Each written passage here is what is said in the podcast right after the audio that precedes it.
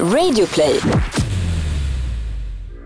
När känner sig våra toppolitiker som allra sexigast? Och vad tror de att orgasmglappet beror på? Välkomna ska ni vara till Alla våra liggs valspecial.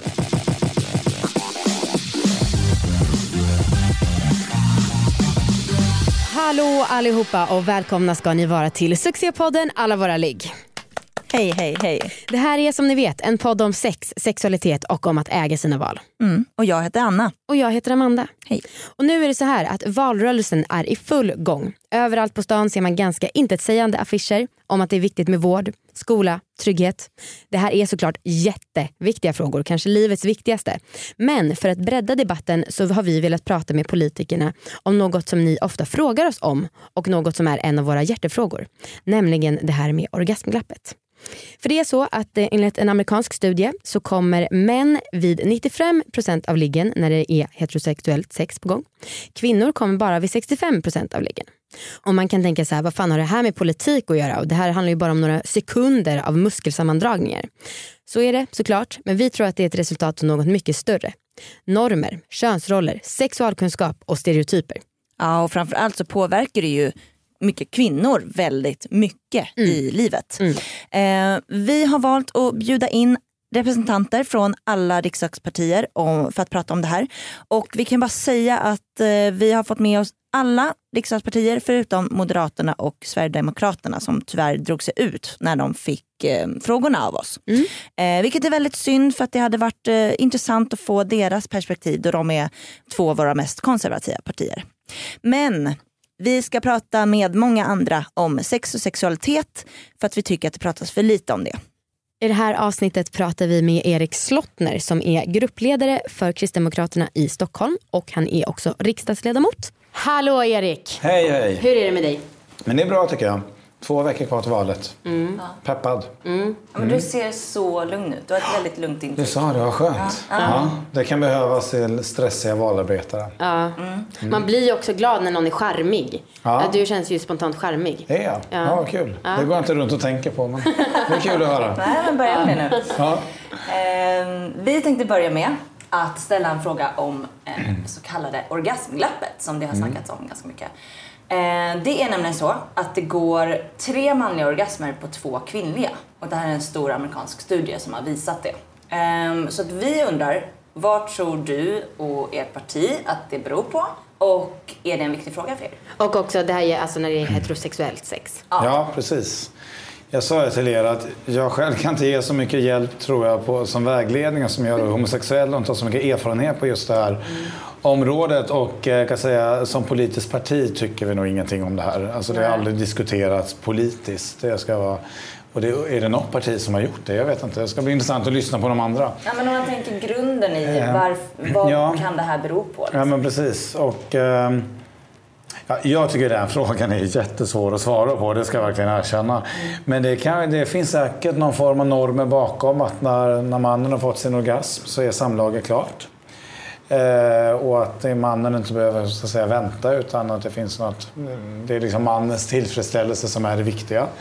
Om det är så, jag hoppas ju inte att det är så för mycket och jag hoppas att kvinnor tar för sig så pass mycket även i de här sammanhangen att man har, jag tror alltså att det är viktigt att ha samtal med sin partner om att jag, jag för mig, som kvinna då, för mig är det också viktigt att kunna få uppleva en orgasm under samlag.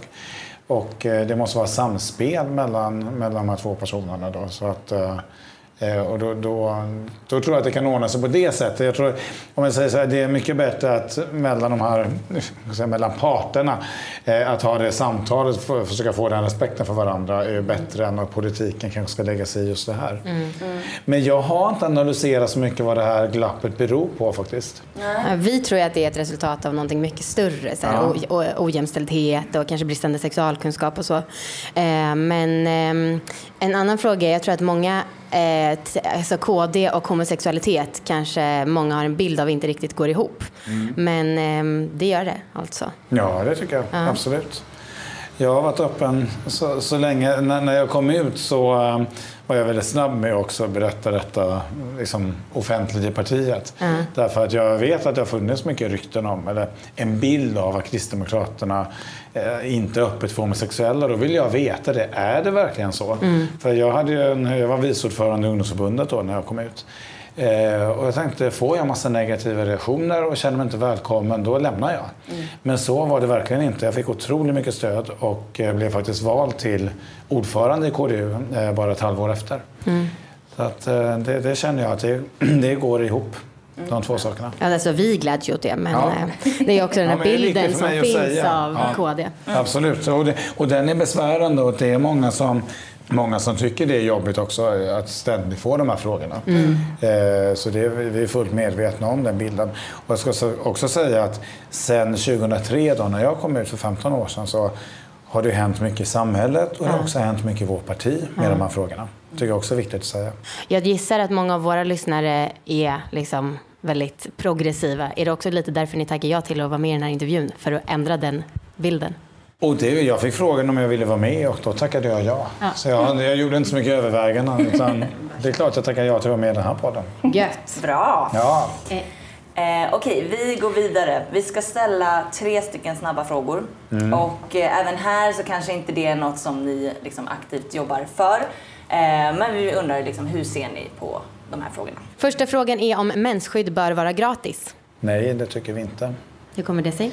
Ja, jag tror inte det är några sådana riktiga principiella motstånd egentligen, men det är hur man fördelar resurser, hur man prioriterar resurser och eh, vi har inte lagt några sådana förslag om att det ska vara gratis. Mm. Ska sexualiserande reklam förbjudas enligt lag? Nej, alltså jag, jag, tror det är svårt att göra det. Eh, därför vi har det här med yttrandefriheten. Jag tror det är väldigt svårt att dra gränser för vad som är sexualiserat och inte. Det är väldigt mycket reklam idag som skulle kunna anses vara sexualiserande. Och det vill jag verkligen säga att jag, jag, jag, tycker inte bara att det är kvinnor som drabbas av detta utan jag tycker det är väldigt hög utsträckning också är män faktiskt som drabbas. Eh, även män påverkas av att se eh, manskroppar som är otroligt perfekt gjorda och som väldigt få i realiteten kan uppnå.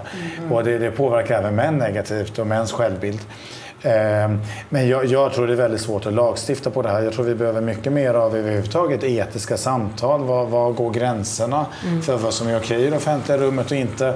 Hur påverkar olika bildsättningar och olika reklambudskap människor?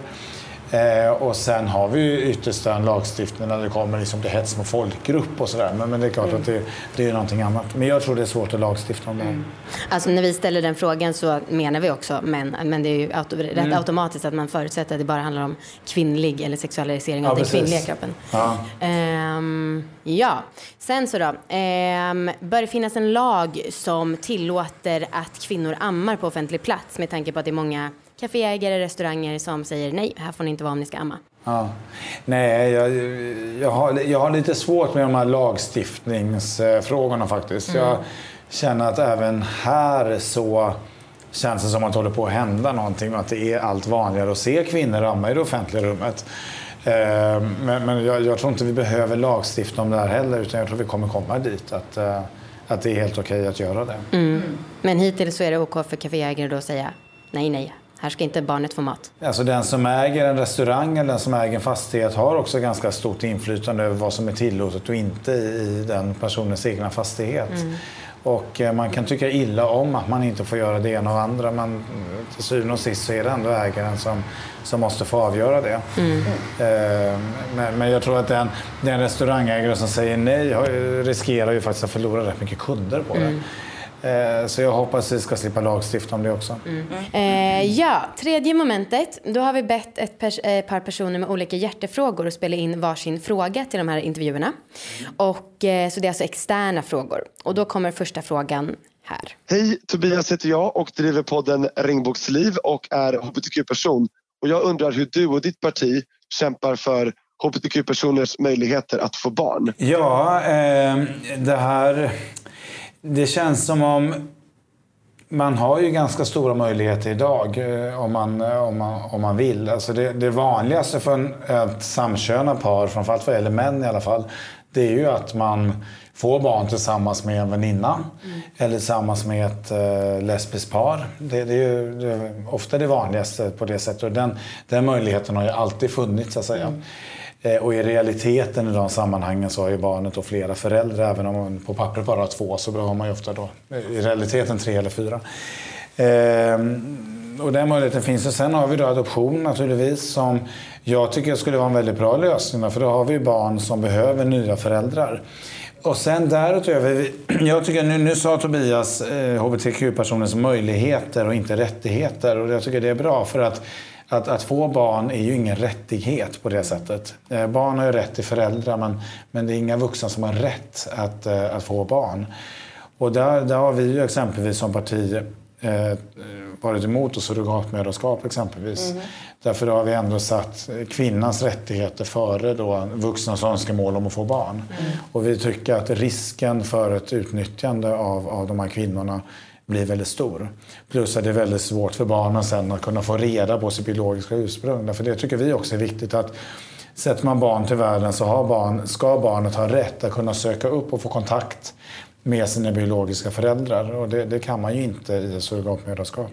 Så som det ser ut idag, alltså som det sker internationellt. Är det en rättighet för personer som lever heterosexuellt men som kanske har problem att få barn?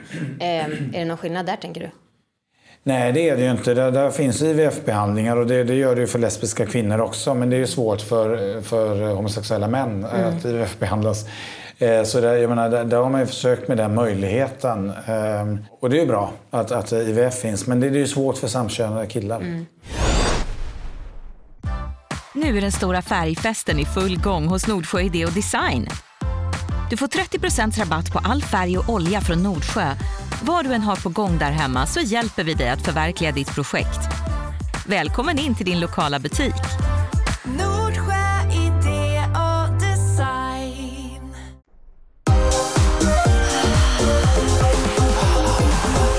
Okej, vi tar nästa fråga. Mm. Hej, jag heter Julia. För några år sedan gjorde jag en abort i 17 veckan, bara några dagar innan tidsgränsen för fri abort skulle gå ut. Tycker ni att 18 veckor är en bra tidsgräns för fri abort?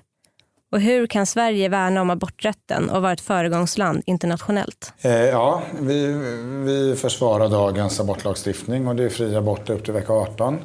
Sen finns en övre gräns där man med, om man får hjälp av, eller om man får tillstånd av Socialstyrelsen kan man göra abort upp till vecka 22. Mm, mm. Eh, den gränsen diskuterar man ju. Det är inget som beslutas av riksdagen utan den gränsen sätter Socialstyrelsen.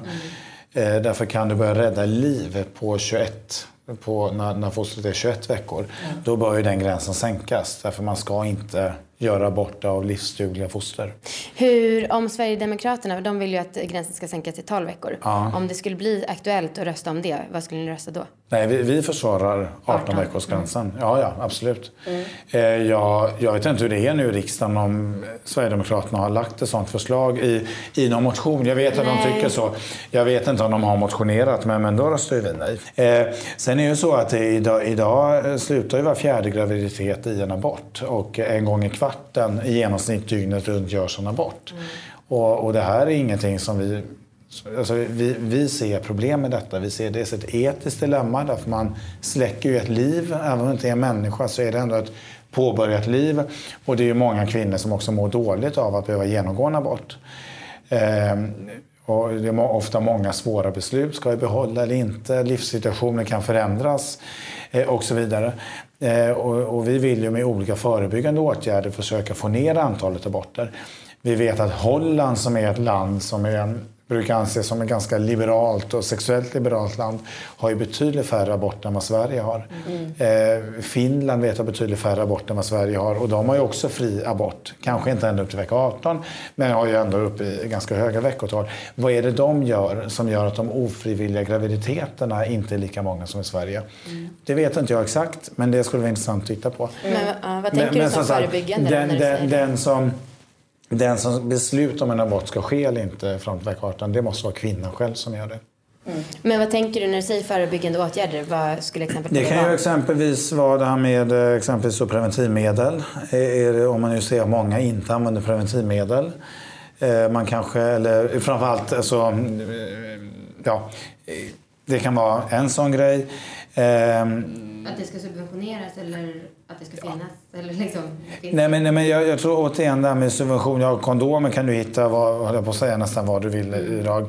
Eh, och, eh, men men eh, en medvetenhet om att man bör använda preventivmedel om man inte vill bli gravid. Alltså, det är väl mycket det det handlar om. Och jag menar, det är ju ännu bättre om man använder kondom därför det skyddar också mot könssjukdomar. Och man, om jag är rätt påläst så har kondomanvändningen minskat ganska mycket bland unga idag. Och det mm. tycker jag är, det är väldigt synd att det är så. Mm. Eh, Okej, okay, vi tar den sista frågan. Mm. Hej politiker, börjat jag. Jag har en, en tjej i yngre tonåren som nu börjar springa ute på stan och jag är orolig när hon är ute sent på kvällarna.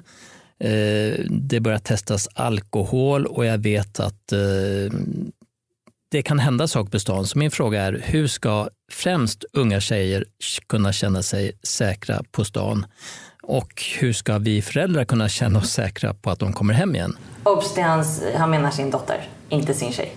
Nej, okej. Okay. jag okay. sa jag har en tjej, men han menar jag har en dotter. Ja, ja men det är ett annat ord för dotter. Ja, precis. Men eh, ja, det där är en stor och bred fråga eh, naturligtvis. Men eh, trygghetsfrågan är jätteviktig och den driver jag väldigt mycket i Stockholms mm. kommun faktiskt. Jag ser att otryggheten ökar, inte bara bland unga utan de som är mest rädda är faktiskt äldre kvinnor. Men det är också de som är minst utsatta för brott, ska man komma mm. ihåg.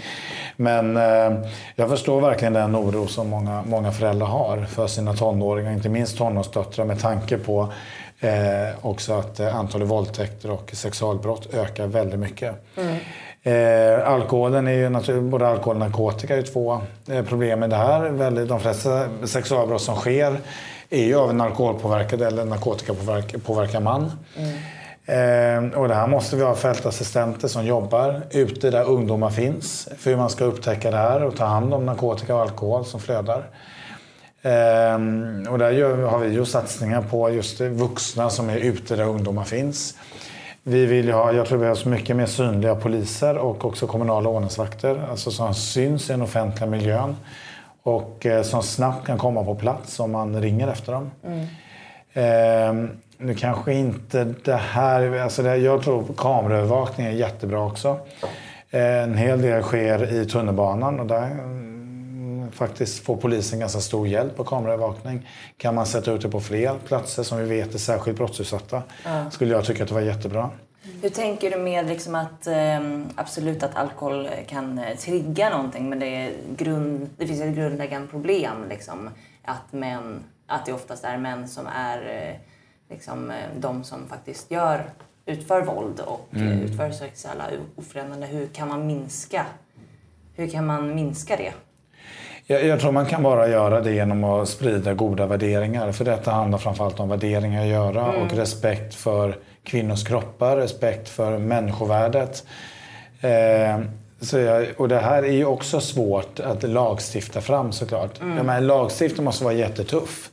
Eh, hårda straff mot sexualbrott. Är du inte svensk medborgare ska du utvisas till ditt hemland eller därifrån du kommer om du kommer hit och begår brott. Eh, men också sexualundervisningen spelar säkert stor roll i det här. Men det viktigaste är ju att föräldrarna för över sådana värderingar till sina barn. Mm. Som handlar om människors lika värde, eh, ens integritet, ens kroppsliga integritet. Och att alla människor bär på ett okränkbart människovärde. Och det här måste spridas i familjen, i föreningslivet, i skolan, på arbetsplatser. Okej, vi avslutar med en lite mer personlig fråga. Mm. När känner du dig sexig? Ja, när gör man det? Jag, jag är så här självkritisk. Eh, nå, någon gång eh, hade jag en pojkvän och så sa han till mig Erik, du måste sluta säga usch när du ser dig i spegeln. För du kan inte säga usch varje gång du går och lägger dig. Nej. Det sista. Och det, det lyssnade jag på. Så nu har jag slutat säga usch när jag ser mig själv i spegeln i alla fall. Eh, ja, men jag kan ibland tycka om man, om man är i klädaffär och hittar ett, en tröja, som är, ett par byxor som man tycker sitter så perfekt. Och så är, har de alltid belysning i klädrummen som ofta ser lite extra solbränd ut och sådär. I klädbutikerna med omklädningsrummen.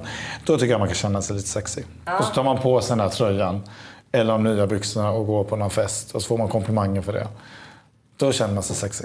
Då säger du inte usch? Nej, då säger jag inte usch. Då säger jag tack. Ett tips härligt. annars är ju alltså, sådana där affirmationer att säga hurra eller wow. Wow, ja. Den Fake it till you Wow. make it. Mm.